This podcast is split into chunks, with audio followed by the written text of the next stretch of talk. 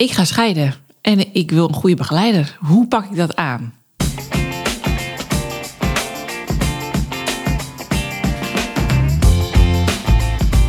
Hey, fijn dat je luistert naar de Scheidpodcast. Ik ben Carly Timmerman van Bureau Carbon, host voor gezinsvriendelijk scheiden. En ik ben Anneke de Groot, bedenker van gezinsvriendelijk scheiden en de grote vriendelijke bemoeial voor alle gezinnen. We nemen je mee in de wereld van fabels, feiten, statements en informatie als het gaat over scheidingen of uit elkaar gaan. Welkom.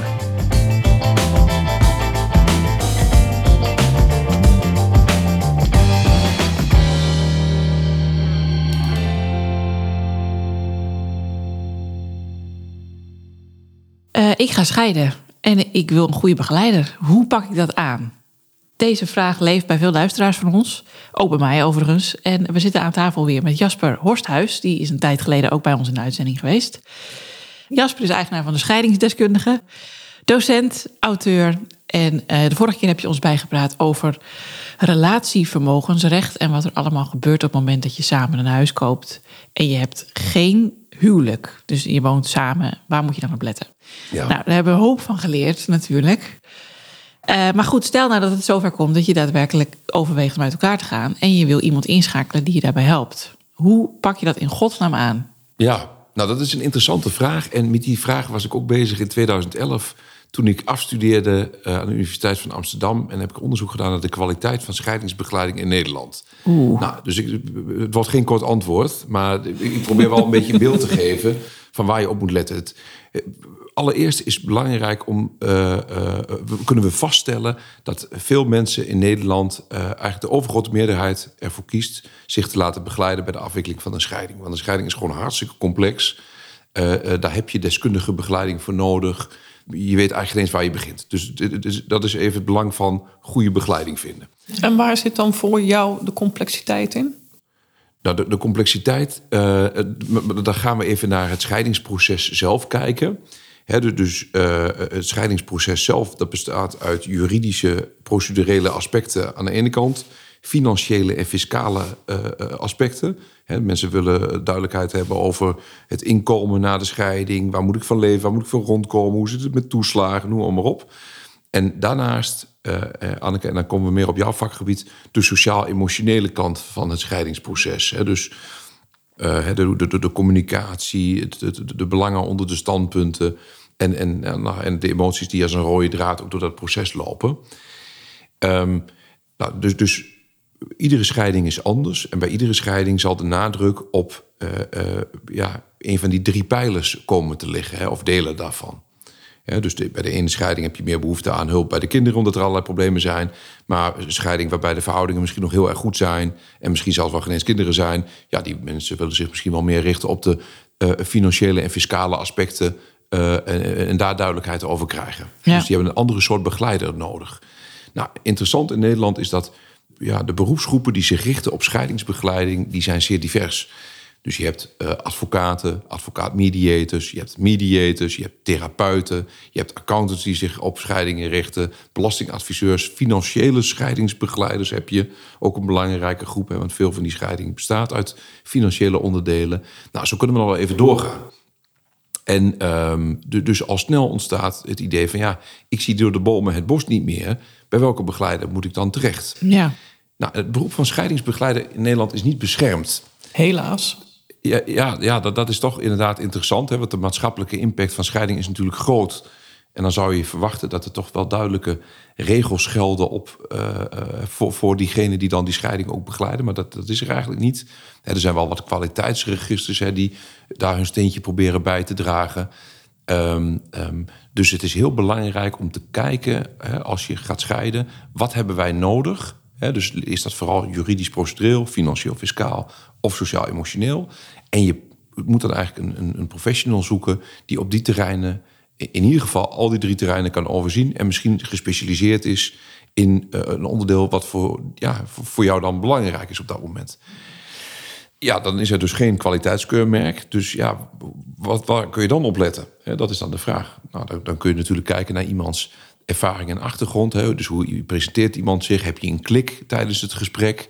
Um, heeft iemand veel of weinig ervaring? Wat is het opleidingsniveau van iemand? Hoe houdt hij zijn kennis bij? Dat is natuurlijk heel belangrijk. In scheidingsland is eh, veel onderhevig aan, aan, aan regels, eh, wettelijke regels, maar ook jurisprudentie-uitspraken. Dus je wil wel dat je een deskundige begeleider hebt die jou ook goed kan informeren over alles wat op je afkomt. Ja. Hè, dat gaat niet alleen maar over het voeren van een goed gesprek. Nou, in de praktijk zal het toch vaak zo zijn dat mensen die een scheiding overwegen gaan vragen aan de gescheiden buurman: Goh, wie heeft jou geholpen? Mag ik zijn nummer even?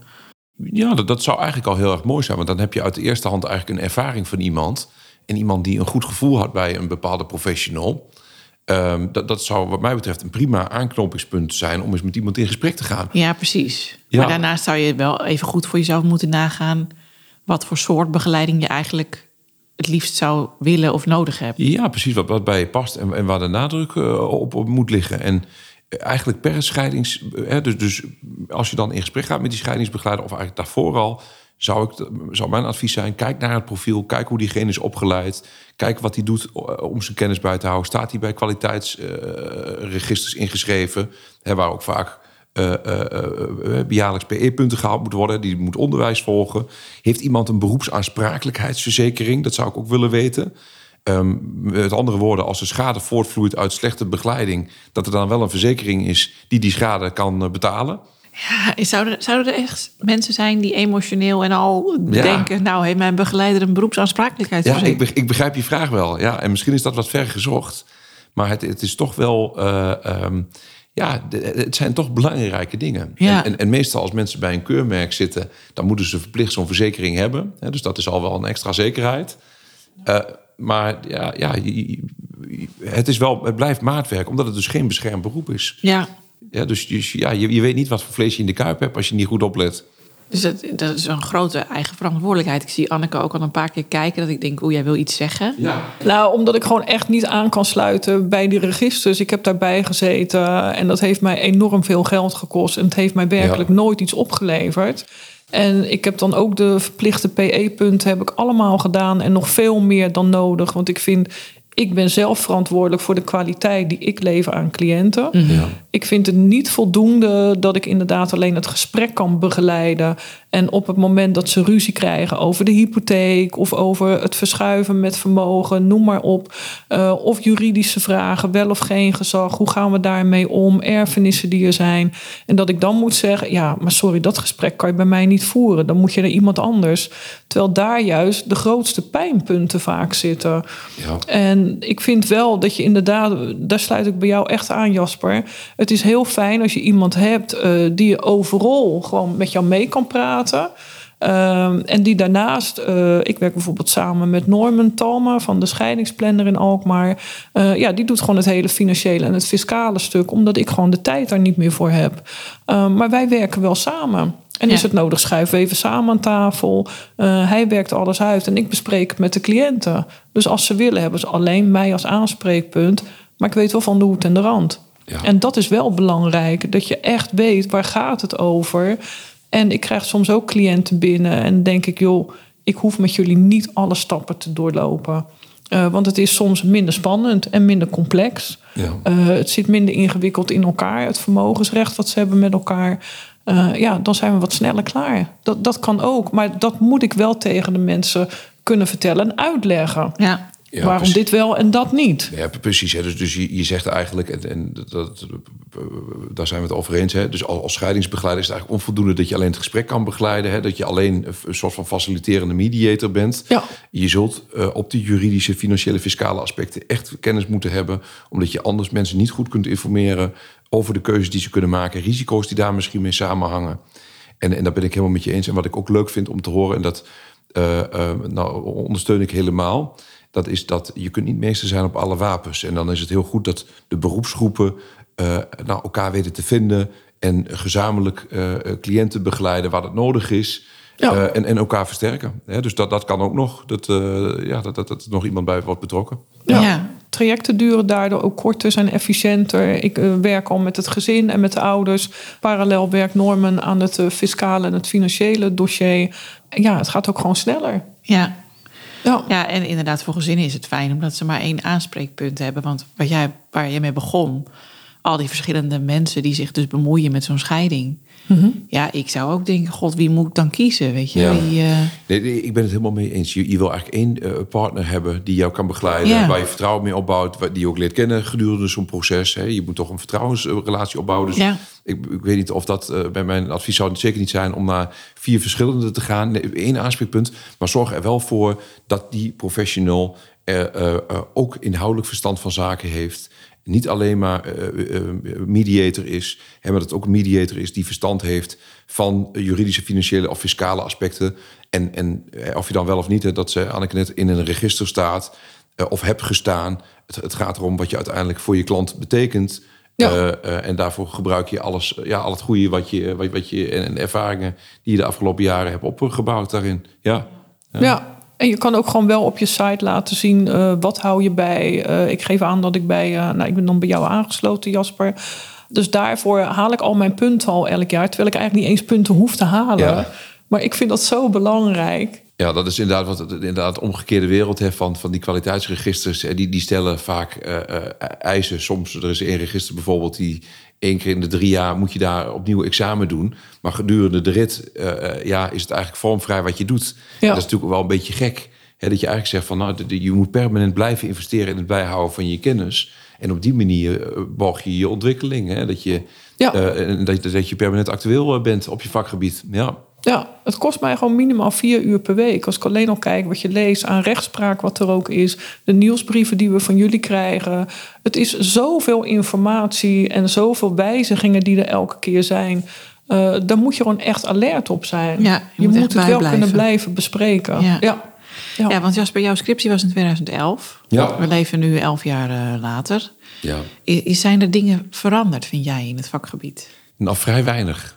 Ja, eigenlijk geen grote veranderingen. Dus, dus, in, dus dat, dat onderzoek, daarbij stelde ik vast van nou, de beroepsgroepen zijn zeer divers. Ja. En ook de deskundigheid van die beroepsgroepen sluit ook lang niet altijd aan op die onderdelen van, van dat scheidingsproces. Er is geen landelijk kwaliteitsregister voor scheidingsbegeleiders. Het is geen beschermd beroep.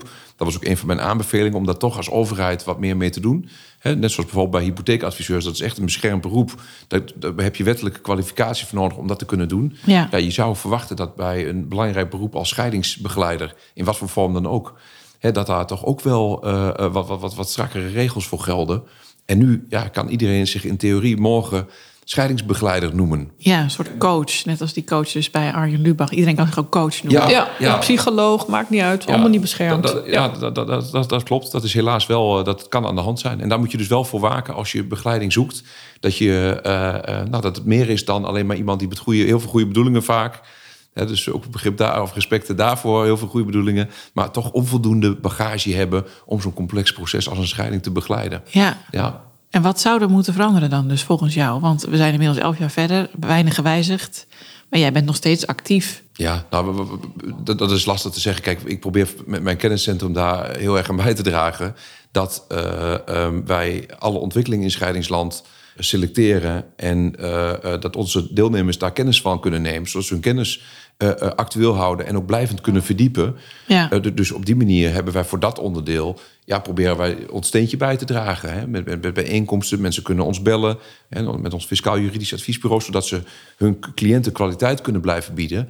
Dat is onze bijdrage. Ja. Alleen ik zie dat niet vanuit de overheid of vanuit registers. Hè, die, die proberen overigens ook op een goede manier hun steen bij te dragen.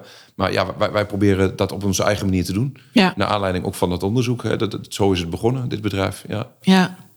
En hoe ben jij eigenlijk, even een persoonlijke vraag is dit. Hoe ben je er zo in beland?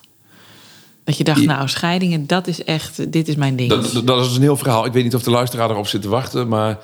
Kan je het ik- samenvatten, Jasper? Ja, ja dat, dat is een goede, goede vraag. Nou, ik, ik was altijd financieel adviseur en ik wilde eigenlijk meer betekenen voor mensen. En ja, in, in, in wat voor situatie zou dat beter kunnen dan in, in die moeilijke situatie van een scheiding? Hè, dat je eh, ja, onzekere tijden en, en, en dat je dan een basis kunt maken om, om ja, je leven weer op verder te bouwen na die scheiding. Ja, dat, dat vond ik een heel mooi idee. Ja. En dat heeft mij eigenlijk geïnspireerd om mij te gaan verdiepen in het scheidingsproces. En, en, en ja, nu zijn we wat jaren verder en is dat uitgegroeid tot een, eh, tot een kenniscentrum. Met Ja. veel leuke collega's en, b- ja, en, en, en alle relaties die we ons om ons heen hebben verzameld. Ja. Ja, mooi. Nou, dank. Dank voor deze bijdrage weer.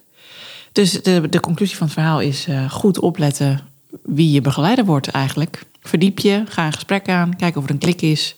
Check even of hij zijn kennis goed op orde heeft. Exact. Ja, dat is wel het meest belangrijke. En de beroepsaanspraak. En de niet te vergeten. heb ik, ja. Mooi. ja.